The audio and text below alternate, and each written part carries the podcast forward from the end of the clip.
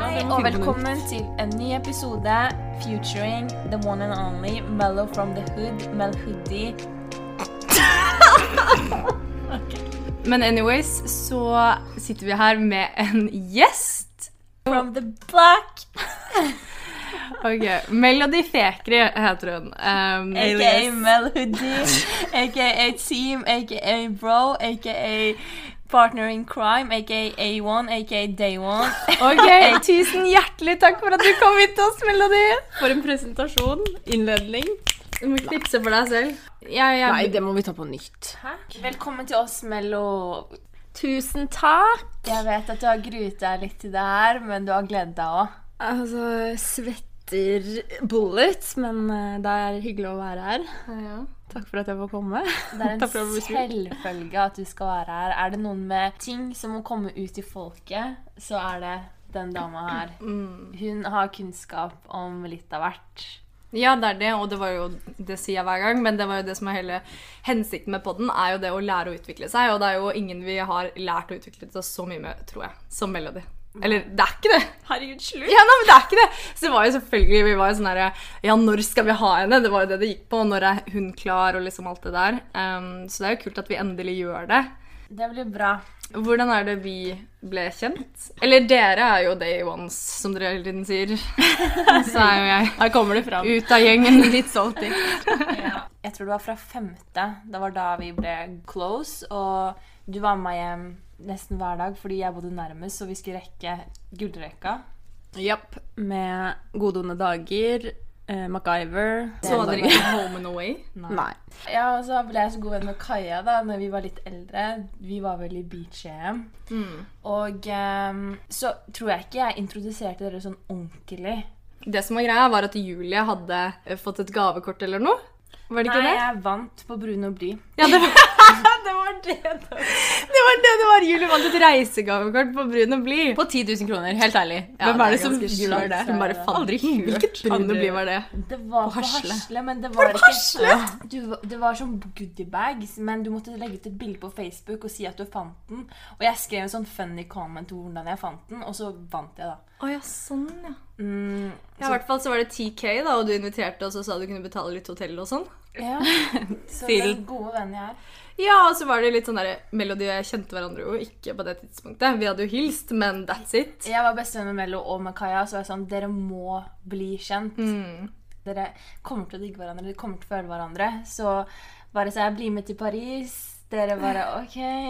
Dere skravla høl i huet på meg Ja. den flyturen, ass. Ja, du satt litt i veien, egentlig. Jeg tenkte på det mange ganger. Julie ville bare sove hele tiden. Og da var det satt.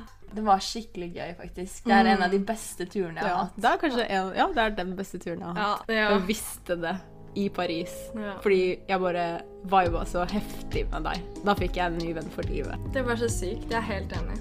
Jeg, jeg bare, det er så sjelden jeg treffer noen på det nivået så fort. Og liksom Det skjer jo ikke. Ja. Vi var der i fire dager, liksom. Ja. Ja, Så ja det var helt Da følte jeg at dere begge visste hvorfor jeg var så god venn med hver av dere. Mm, Det jeg er liksom interessert i å høre, er kanskje sånn Når man prøver å finne seg selv, vet ikke helt hvor man skal, til jeg skal bli advokat, jeg ønsker å gjøre en forskjell i verden, jeg ønsker å gi tilbake til samfunnet. Hvem var Melody 14 år? OK, hvor skal jeg begynne? For å, å starte med hvorfor jeg vil det jeg vil, før jeg på en måte bygger opp til Mello 14, så er det sånn at jeg føler at jeg alltid har vært en person som har nesten blitt Jeg har kanskje ikke skjønt hvorfor eh, i begynnelsen, men jeg har alltid fått på en måte fått det inn med på en måte morsmelka at du skal gjøre noe viktig. Eh, det er på en måte din plikt, eh, nesten. Uten at det skal høres ut som tvang-tvang, men det var liksom Jeg er oppvokst med politikk rundt middagsbordet hver dag. Det er på en måte det vi snakker om. Politikk, filosofi, og på en måte å sette pris på det vi har, da. Eh, privilegier. Så jeg har alltid visst og tenkt at jeg skal gjøre noe viktig. Jeg må gjøre noe viktig, eh, for jeg vil ikke på en måte waste de privilegiene jeg har, da. Men selvfølgelig, når man er ungdom, så er det jo en kamp mellom det å gjøre det riktige og det å bare utforske og ha det gøy. Så jeg tror at eh, Mello 14 var en person med ekstremt sterke meninger. veldig mye å si om veldig mye, eh, men jeg hadde kanskje ikke de riktige verktøyene enda til å formulere meg presist, til å kunne vinne egentlig gehør. Så det endte bare opp med at eh, jeg ble sur, eller det ble liksom diskusjoner herfra til månen med alle og alt. Særlig da på skolen. Eh, Mello 14 klarte ikke alltid å gjøre på en måte Eller jeg hadde gode intensjoner, men, men jeg klarte ikke helt å på en måte uttrykke dem, og jeg vant ikke alltid frem. Jeg føler at jeg har en eh, historie som er liksom meg i et nøtteskall, da. Og forskjellen for meg før og meg nå. Ja. Da jeg var Jeg må ha vært 13 eller 14 år eller noe sånt. Jeg vet ikke om Julie kanskje husker det her. Så hadde vi en venninne eh, Skal prøve å ikke kaste henne under bussen, men vi eh, Jeg hadde en venninne, eh, og så fikk vi vite fra hun at eh, hun hadde det vanskelig hjemme, da. Hun sa at hun hadde fått noen smeller og sånt hjemme. Og så eh, bestemte jeg meg for at eh, det er uakseptabelt. Selvfølgelig er det det. Eh, nei, det er ikke lov. Dette kan jeg. Ikke vær redd, jenta mi. Nå skal jeg passe på deg. Så det jeg gjorde, var at jeg sa at eh, nå blir du med meg hjem. Og så skriver jeg et brev til barnevernet. Og så går vi innom politiet, anmelder saken eh, og drar videre til barnevernet derfra. Så det jeg endte opp med å gjøre, var at jeg endte opp med å kidnappe denne jenta. Eh, gjemte henne rett og slett hjemme hos meg for å beskytte henne da. Trodde at dette var veien å gå. Nei, nå skal du aldri måtte oppleve disse tingene igjen. Og så satte jeg meg ned og skrev det brevet, og så får vi noen telefoner, og familien hennes blir jo sikkert ikke sånn bekymra og begynner å ringe rundt, og hvor er det du er, og hva er det som skjer? Bare fortell henne at nei, du, du kommer aldri hjem igjen. så um, det ender med at eh, familien hennes kommer på døra, da, for å ta med henne hjem. Og det nekter jeg. Jeg skal ikke se henne gå gjennom noe vondt noen gang igjen. Så da bestemmer vi oss for å rømme. Eh, så jeg smugler henne ut gjennom garasjedøren, eh, og så spurter vi alt vi har mot Grønland politistasjon. Og så ender vi opp med å bli tatt igjen, da. Av en eller annen syk grunn. Liksom håndballspillere, men uansett. Og det blir liksom helt kaos, da. Og jeg får telefon fra pappa og bare OK, nå har jeg hørt det sykeste noen gang. Please si at dette ikke er sant. Du har ikke kidnappa en jente nå. Jeg bare jo, jeg har det, men jeg gjorde det for hennes eget beste, og jeg har brevet i hånda, liksom. Eh, og dette skal jeg lage sak av. Og det er liksom bare meg forklart med én Og jeg Ikke husker det veldig godt, fordi vi sto utenfor Jordal når du skulle ta med henne her hjem, og dere skulle til barnevernet, og du spurte meg om jeg skulle være med, og jeg sa jeg må hjem og spise middag. Så ikke. Ikke i dag, Melodi! Men kos dere, si fra hvordan det går. Det er så deg et nøtteskall. Altså. Det er sånn der, Jeg skal spise middag. Mamma har lagd Ja, så jeg handla veldig etter liksom følelser, da. Ja. Dette her føler jeg nå. Det er urettferdig, det er ikke riktig, det er feil. Jeg skal redde deg. Ikke vær redd, jeg fikser det. Min penn er mitt sverd. Uff, shoot-out. Ja, men dag eh, altså. Så jeg har lært en ting eller to, da. Det fins andre måter å gjøre ting på, men det føler jeg Det er liksom forskjellen på meg 14 og meg nå. Ja, det At jeg kanskje tar et pust i bakken også først. Tenker meg gjennom Ja. to ganger. Altså, Jeg har vokst opp med Melody, og jeg kan bare si sånn at hun er en du vil ha på din side og ikke imot deg growing up. da. Og Sånn er det den dag i dag òg. Og at den du var når du var ung, den skinner igjennom til den du er i dag. Bare at bevissthetsnivået ditt er enda høyere, du vet bedre. Du blir flinkere til å snakke for deg, argumentere for deg. Ja, og stå opp for andre. Ja. Jeg var liksom lei av at folk bare aksepterte at eh, men det er bare sånn det er. Ja. Jeg kan ikke gjøre det, eller jeg får ikke lov til det, eller Ja, å bruke den Ikke kall det sinne, da, men på en ordentlig måte. Ja, channele det. Ja, det er jo det Egentlig. det er. Men jeg føler at du alltid har vært en som har vært ganske klar på ting. Veldig imot urettferdighet, og ikke vært sånn som bare tenker at sånn er det. Mm. Så ferdig med saken. Du er en som alltid har stilt spørsmål, men hvorfor er det sånn? Og hvordan kan det bli bedre? Eh, og det er jo derfor vi vil snakke med deg om, fordi at du er en, en som på en måte vil make a change. Da.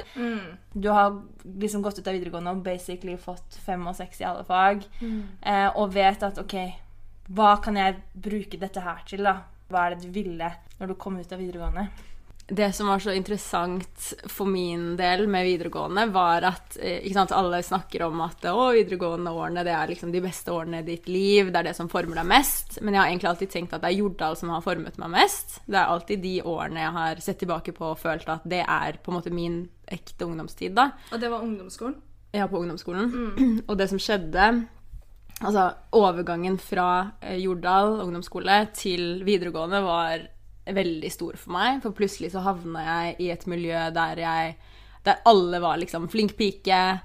Alle var veldig ordentlige. Ingen var egentlig fra samme sted som meg. Eh, sånn at eh, plutselig funket ikke de samme argumentasjonsmønstrene eller min på en måte stahet. Liksom De tingene der funka ikke på samme måte da, så jeg ble nødt til å eh, legge litt om. Og fikk også kanskje et behov for å bevise meg selv. Nesten litt sånn meg mot alle-mentalitet. Og så um, kom jeg gjennom videregående, og jeg har liksom tenkt at fordi jeg vil gjøre noe større enn meg selv, jeg vil ikke bare gjøre noe for meg selv, jeg vil gjøre noe for andre, eh, da må jeg liksom ut i verden. Og tenkte umiddelbart at jeg må flytte. Jeg må til utlandet. Og det var jo det jeg endte opp med også. Jeg flytta til England for å studere juss, og det var egentlig i retrospekt et skikkelig stort vendepunkt i livet mitt. For jeg følte at det var da jeg egentlig ble voksen. Eh, jeg måtte eh, deale med ting på en helt annen måte. Jeg lærte så mye om meg selv, eh, om selvdisiplin, om det å bare være alene. Eh, jeg hadde jo liksom alltid hatt folk rundt meg, og plutselig så sitter du der og bare er helt ny da, i en stor by. og Eh, hvordan skal du eh, nesten finne fram? Yeah. Både bokstavelig talt, men også bare inni deg selv, da.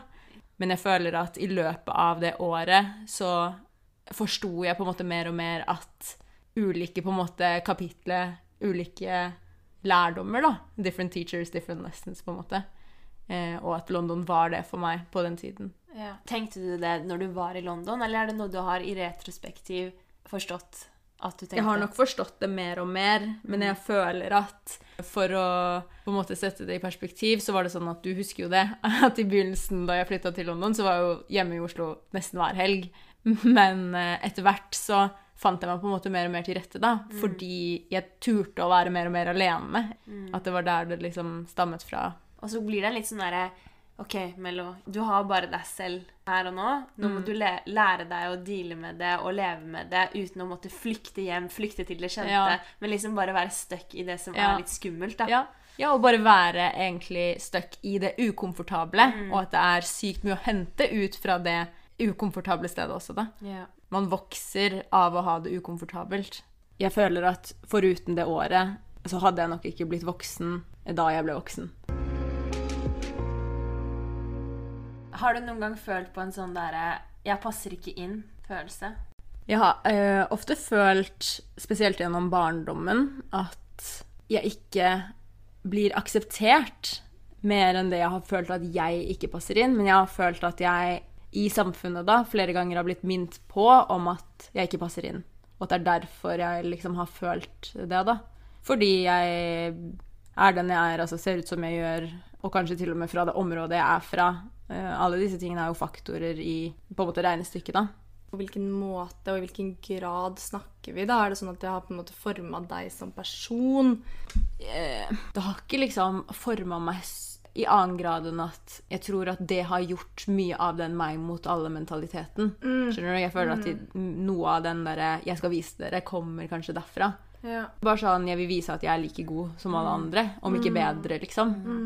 Men det er ikke sånn Jeg har ikke følt så mye på sånn utenforskap i den forstand. Det har jeg Nei. ikke. Nei, men det er jo ganske interessant, fordi jeg tror ofte den mentaliteten eh, At man har en eller annen type ting som holder deg tilbake fra det som er normalen, den boksen som norm samfunnet setter, ikke sant?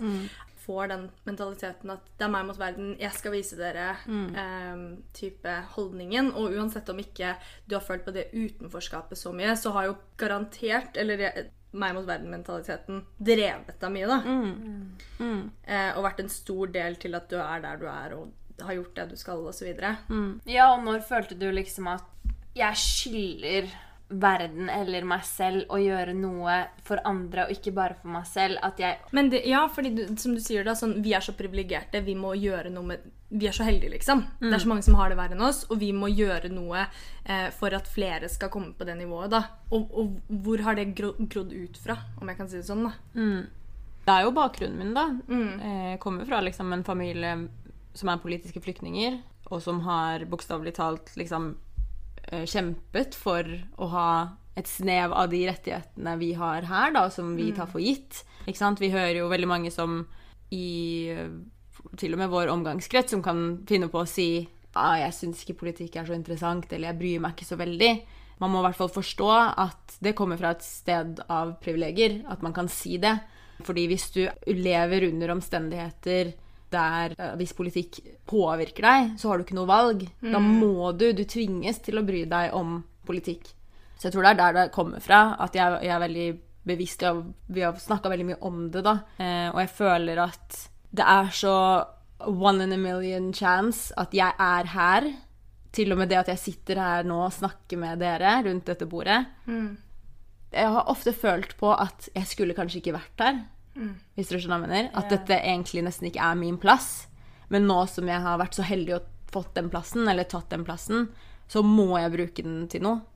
Jeg kan ikke ta det for gitt, da. Nesten leve for flere enn meg selv, da. For meg så er politikk er Politikk er alt. Sant? Alt vi ser i samfunnet vårt, er på en eller annen måte et resultat av politikk. Så politikk er mer enn bare eh, fordele penger til eldreomsorg eller innvandring. Politikk er det statssystemet vi har. Politikk er det at du kan gå ut på gata og ikke bli eh, kidnappa av en politigerilja og kastet inn i et fengsel og torturert. Det at du kan gå fritt. Eh, det at du kan tro på det du tror på, kle deg som du kler deg, eh, spille av musikken du gjør. Alt det er politikk. Ikke sant? Fordi at i land der hvor politikken sier noe annet, så er ikke disse tingene her lov. Eh, og man kan bli straffet for det, og man blir straffet for det. Ting, Det da. handler om hva slags samfunn man ønsker det. Mm. Det handler om at vi, når jeg sier at vi i Norge Alle, alle mennesker har et samfunnsansvar. Det mener jeg oppriktig. Ok, hva mener du med det? Det jeg mener, er at alle mennesker har et ansvar for eh, noe større enn bare seg selv.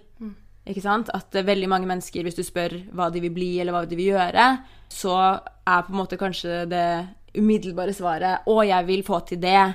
Jeg vil bli det. Jeg vil bli lykkelig. Jeg vil bli rik. Ikke sant? Alle disse tingene der. Og det er kjempebra, eh, men jeg føler at alle mennesker også har et utvidet ansvar. Vi har faktisk ansvar for hverandre. Vi har et ansvar for å vise solidaritet med hverandre, stå opp for hverandre. Det er jo et sitat om at eh, den som sier samtykker, og det er det jeg føler mye i politikken, da. At hvis man bare sier at nei, men jeg bryr meg ikke så mye, det er ikke så spennende, det er ikke så interessant, min plass. det er ikke min plass, så forskyver du egentlig ansvaret vekk fra deg selv, da. Og det er det jeg mener med samfunnsansvar. Så når jeg snakker om at vi som mennesker kan påvirke gjennom politikk, så er det det ansvaret jeg snakker om. At eh, du velger gjennom politikken hva slags type samfunn du vil ha. Og det er ikke bare eh, begrenset til på en måte det norske samfunnet. Fordi at det du velger å gjøre i det norske samfunnet, også påvirker eh, resten av verden. ikke sant? Vi lever jo i et globalt samfunn, sånn at eh, vi ser på en måte ting som skjer rundt i verden nå, med i fjor BLM-protestene, eller akkurat nå Palestina-konflikten. Vi kan også påvirke de tingene der, hvis vi ønsker det. Det er det jeg gjerne vil på en måte ha en diskusjon rundt. Da, at folk i hvert fall skal bli bevisste på det. At de kan det. Mm. Hvordan, eh, hvordan tenker du at man kan påvirke det? F.eks. Palestina-konflikten. Det er jo gjennom å eh, ha diskusjoner, først og fremst. Snakke om det. Eh, det er ikke sånn at det er én fasit på ting, og det er i hvert fall ikke sånn at det jeg tror eller mener er det riktige i det hele tatt. Men man må i hvert fall være bevisst på hvorfor man mener det man mener. Eh, og ha en forankring da, for argumentasjonen sin. Eh, så det er én ting. Eh, men så selvfølgelig, sånn som Norge i Palestina-Israel-konflikten, for å ta den som et eksempel, har jo vært gjennom veldig mange år en av meglerne. Eh, liksom, vi har jo Oslo-avtalen, f.eks. Eh, sånn at Og det kommer jo an på liksom, om hvorvidt Norge ønsker å ta et sånt type ansvar, handler jo også om hvem som styrer Norge på den tiden det temaet kommer opp. Ikke sant? Og det handler jo igjen om hva slags samfunn er det vi har skapt.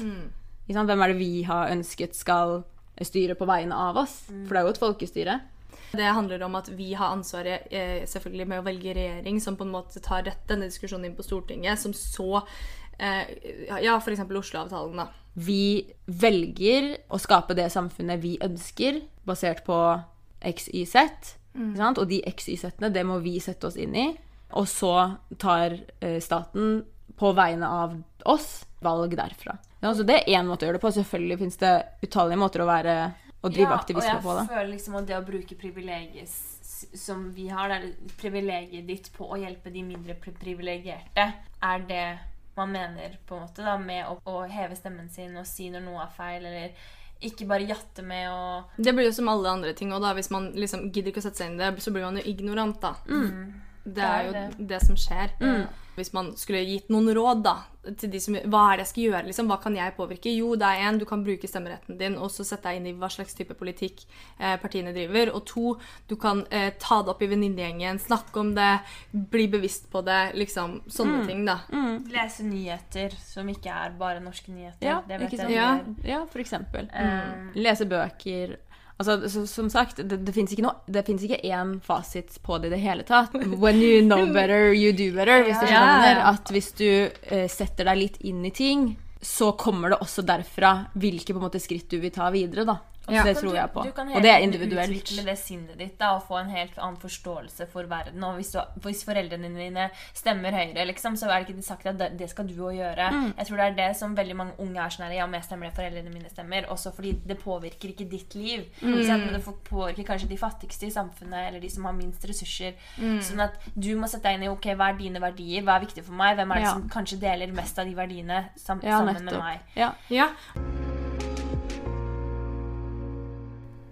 Jeg er også sånn som på en måte har skrytt veldig mye av over hva du får til, da, og jeg vet jo at du får til mye, og at du er veldig sånn der Når jeg går inn for noe, så skal jeg gi 100% og jeg skal ikke Litt sånn som toppidrettsutøvere har mentaliteten på sånn der en dag jeg ikke trener, er en dag lenger det tar til før jeg når målet mitt. da.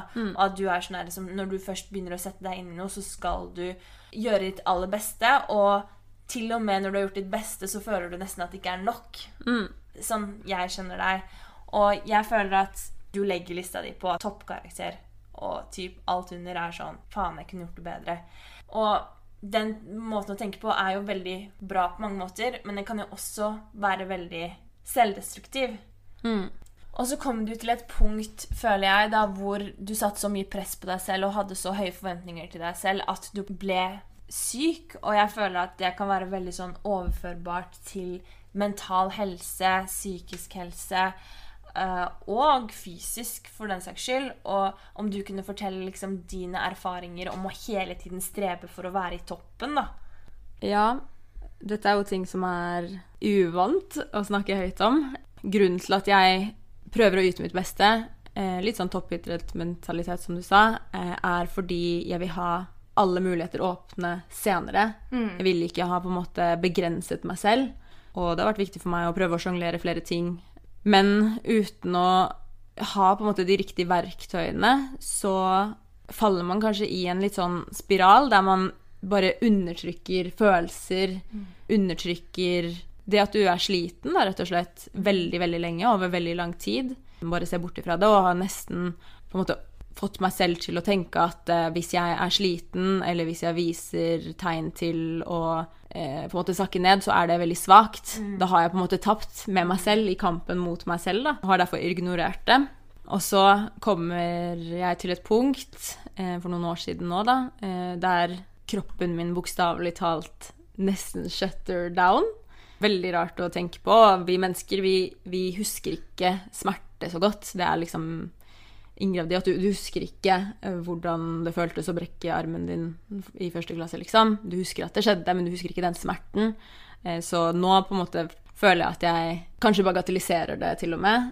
Eh, det kom bare til et punkt der jeg tenkte at wow Altså Eller jeg tenkte nesten ikke. Det var, det var en dør som slo meg i ansiktet, på en måte.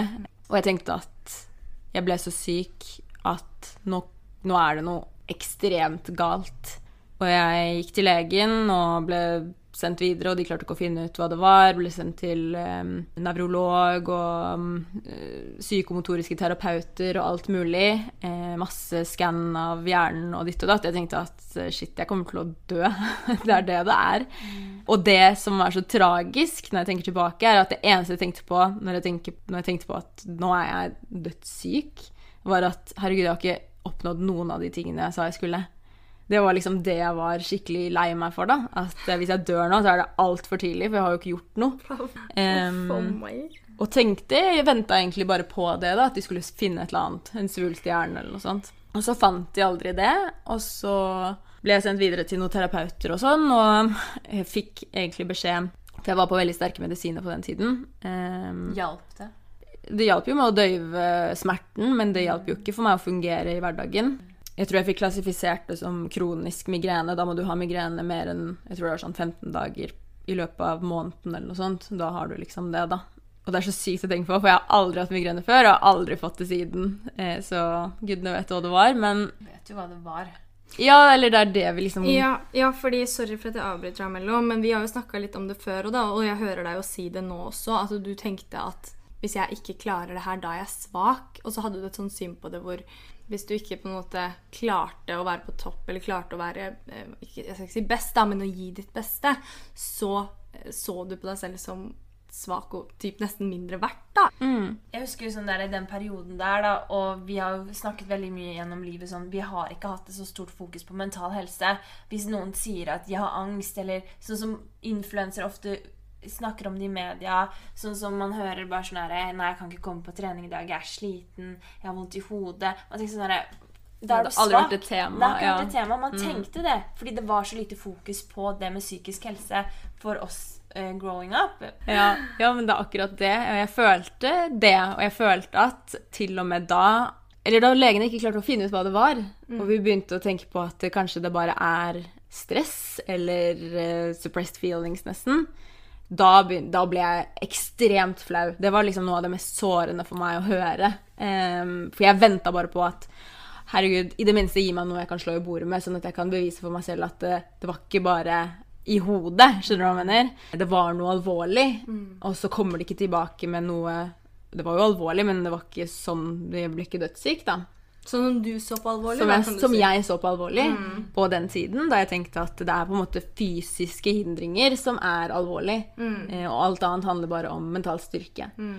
Ikke sant. Og det som er så trist, er at til og med under den perioden, eh, til og med da, da jeg så dette og ble egentlig skuffa over beskjeden jeg fikk, selv om jeg har jo all grunn til å feile. Herregud, det er ikke noe galt med meg. Um, Tenk sånn Dette kan ikke stemme. Ja. Det var det jeg tenkte. Men så tenkte jeg også at ok, greit, let's get to work. fordi da skal ikke jeg kaste bort noe mer tid på å være bekymret eller lei meg eller på en måte slite med å ha vondt. da. Så det jeg gjorde, var at til og med under den perioden så jobba jeg på.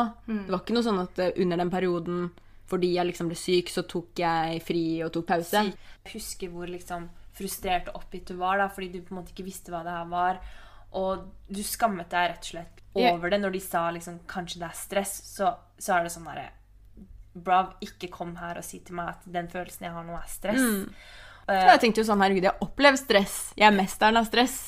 Ikke du misforstår ja, hvis du, du tror det her er stress. Ja, du har sikkert vært mesteren av stress i ti år, da. Mm. Og så skjøtter det hodet ditt down. Ja, fordi hva, hva var det som skjedde? Jeg tror jo det stresset kom fra en periode med veldig intens jobbing. Det var i en periode der jeg jobbet opptil 12-15 timer om dagen. Og det var bare mye som skjedde på den tiden. Eller mye som hadde skjedd i den perioden, og egentlig i periodene før. Men det er det enda. Jeg har på en måte bare gått og undertrykket alt som har skjedd så lenge, som, som veldig mange mennesker gjør. Fordi det er ukomfortabelt å gå dit. Mm. Eh, og så tenker du at det går bra.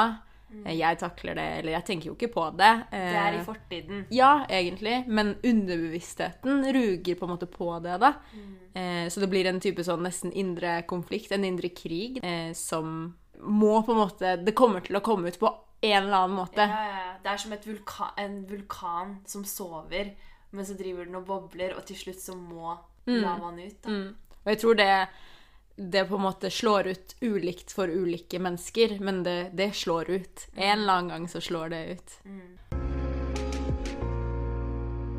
Nå har vi jo snakka om de fysiske smertene og, og det at du på en måte ble syk da, av stress over tid.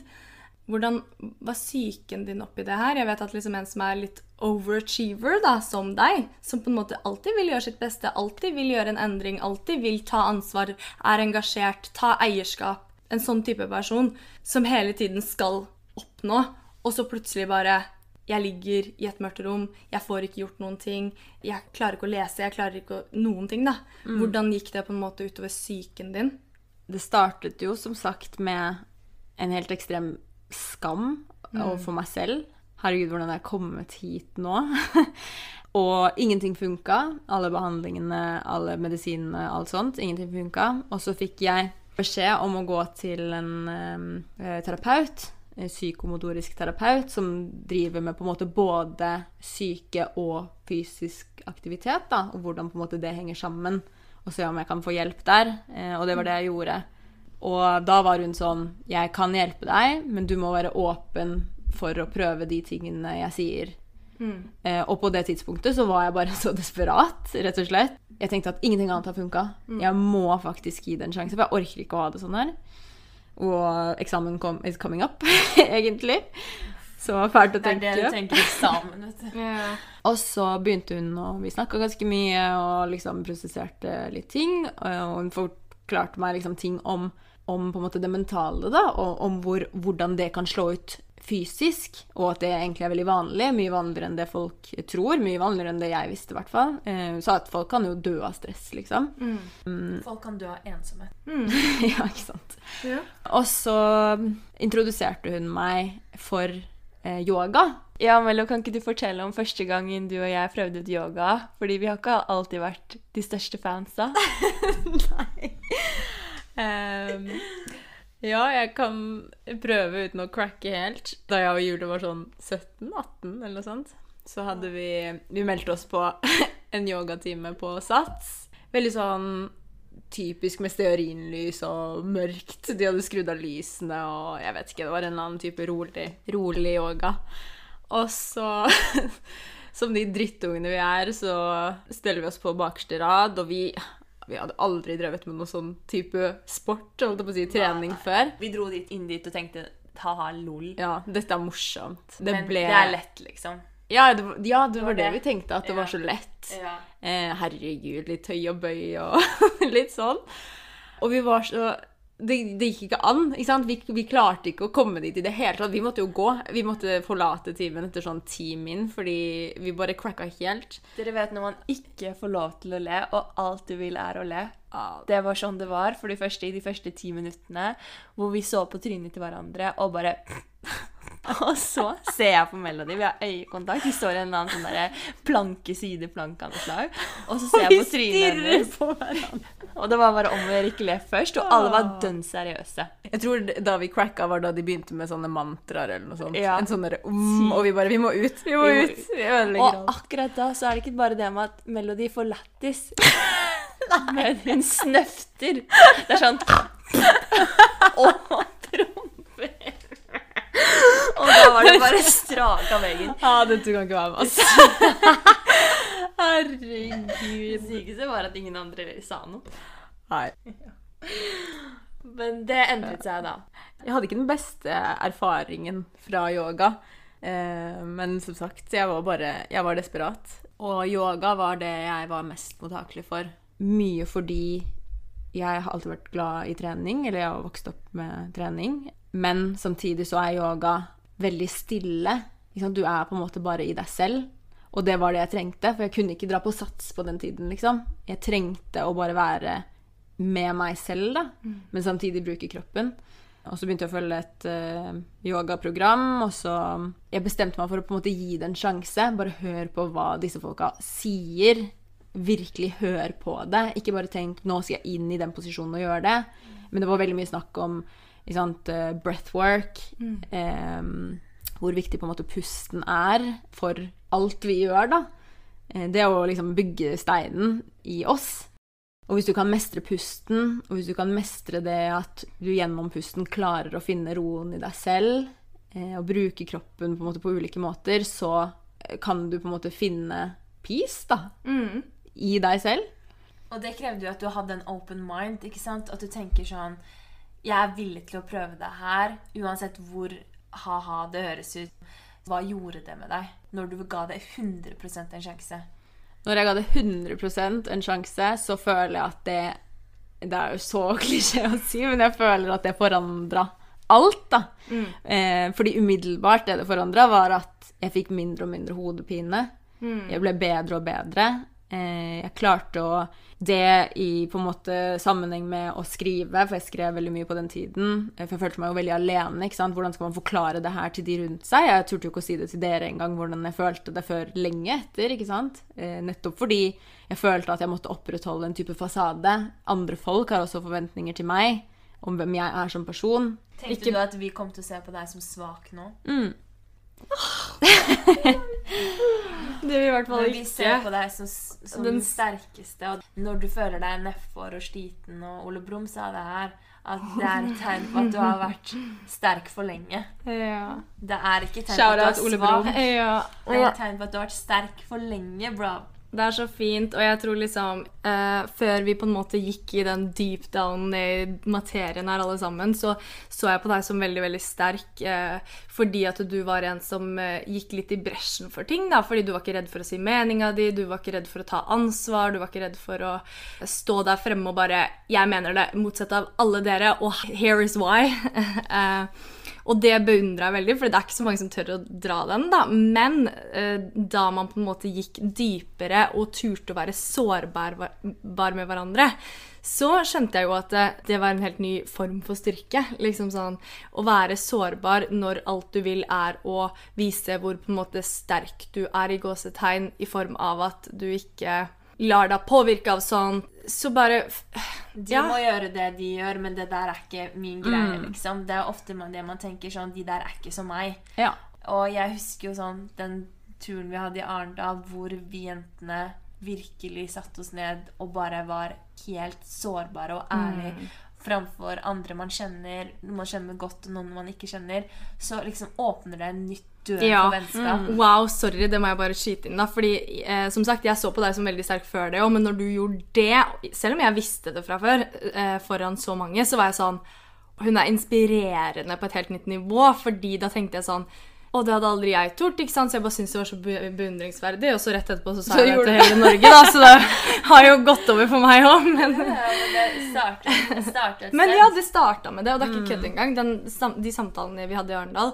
Nei, men jeg har jo på en måte eh, kanskje sett på mental sykdom, og da mener jeg ikke sånn altså, hvis du er schizofren Skjønner du? Altså, det er visse ting jeg tenker at Eller alltid har tenkt at det er en ordentlig, ordentlig sykdom, liksom. Men det derre Ja, sånn som det jeg opplevde det, da, har jeg på en måte tenkt på nesten privileged disease. Skjønner du hva jeg mener? At eh, Å, stakkars deg, du har det så fælt.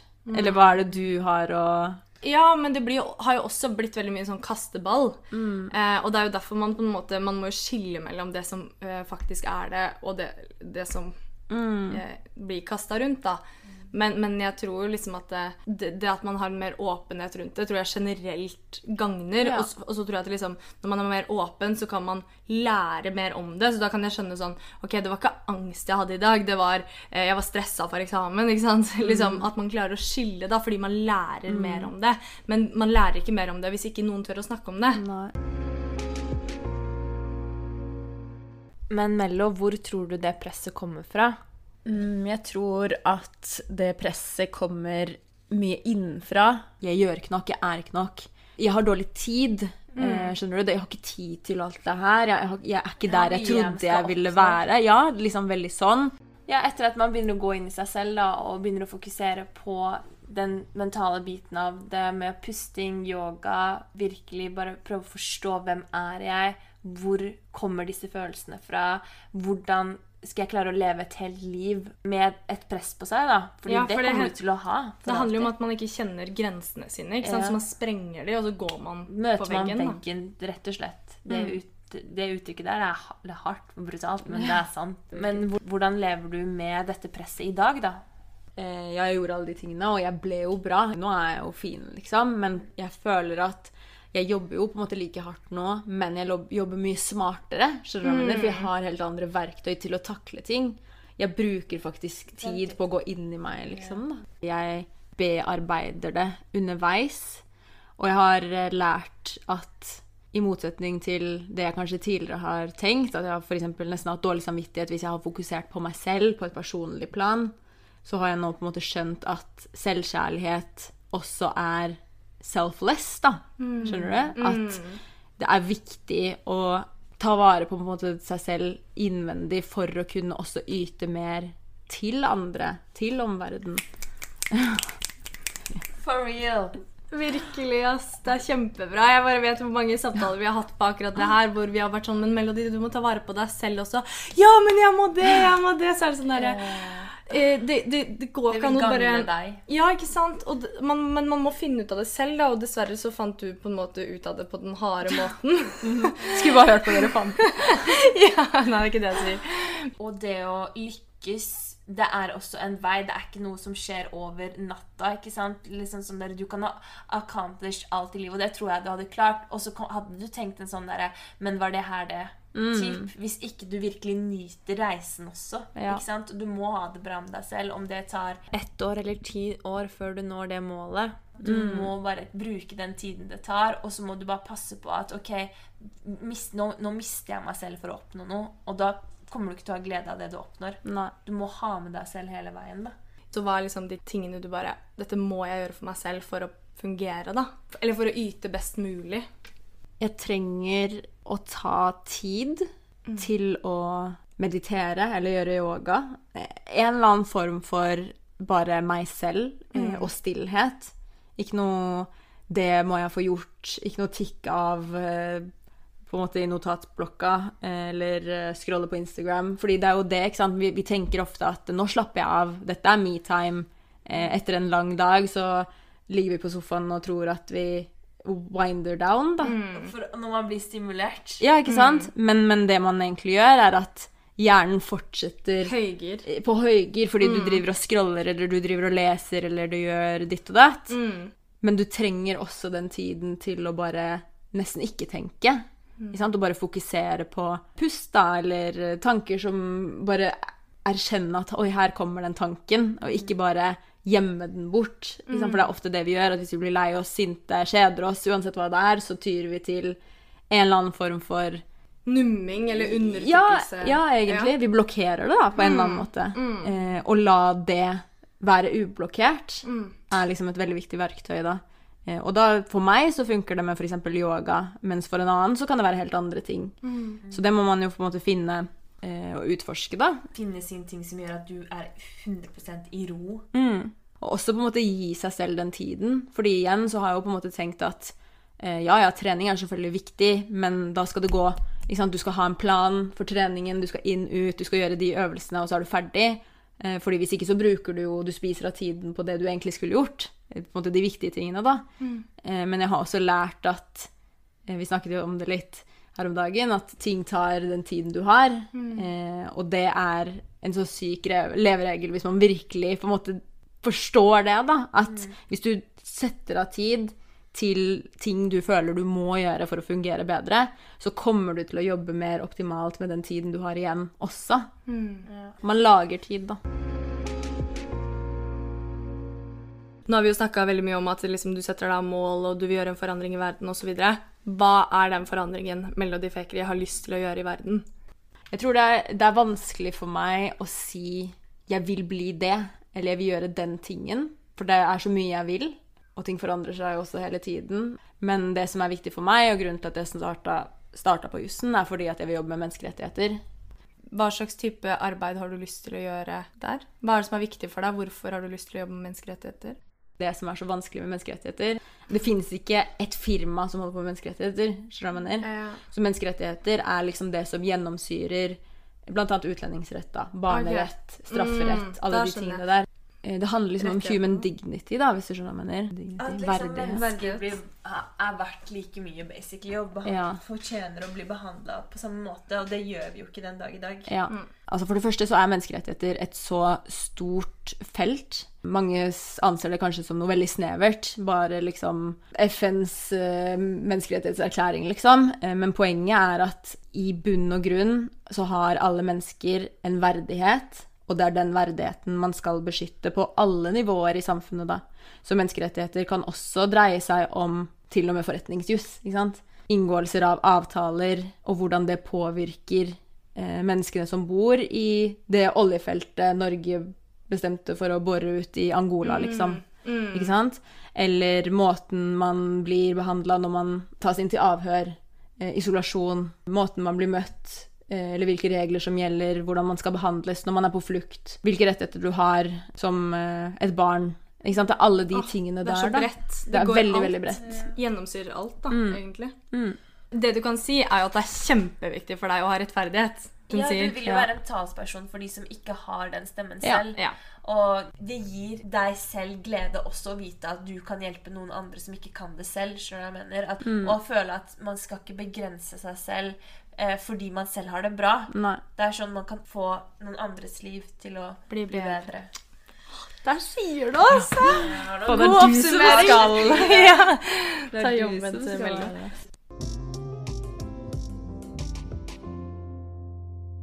Til syvende og sist da, så vil jeg bare spørre hva er ditt beste råd til Melodi 16? Liksom, hva er, det, hva er det beste rådet du kan eh, gi fra det stedet du er i dag, da, til en yngre versjon av deg selv som var mer uviten? Og som prøver å bare liksom, kjempe sin vei fram liksom, og stå på.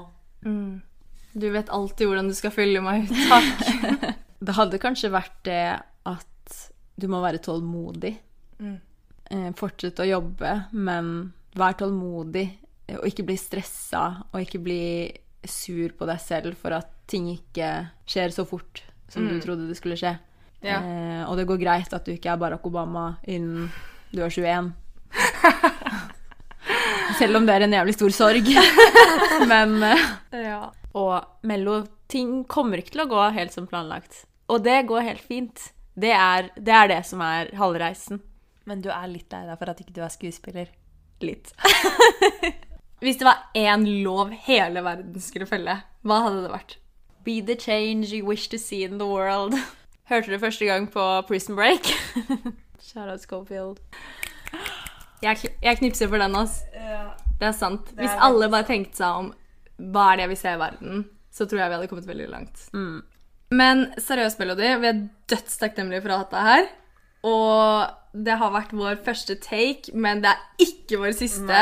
du er inspirasjon. Nå har du bare, nå har du bare liksom brutt ned noen barrierer, skjønner du, og nå skal du bare get yourself out there. Neste episode blir Toxic Relationships. Tusen takk for at jeg får komme. Har det vært, har det vært fint? Det har vært uh, veldig fint.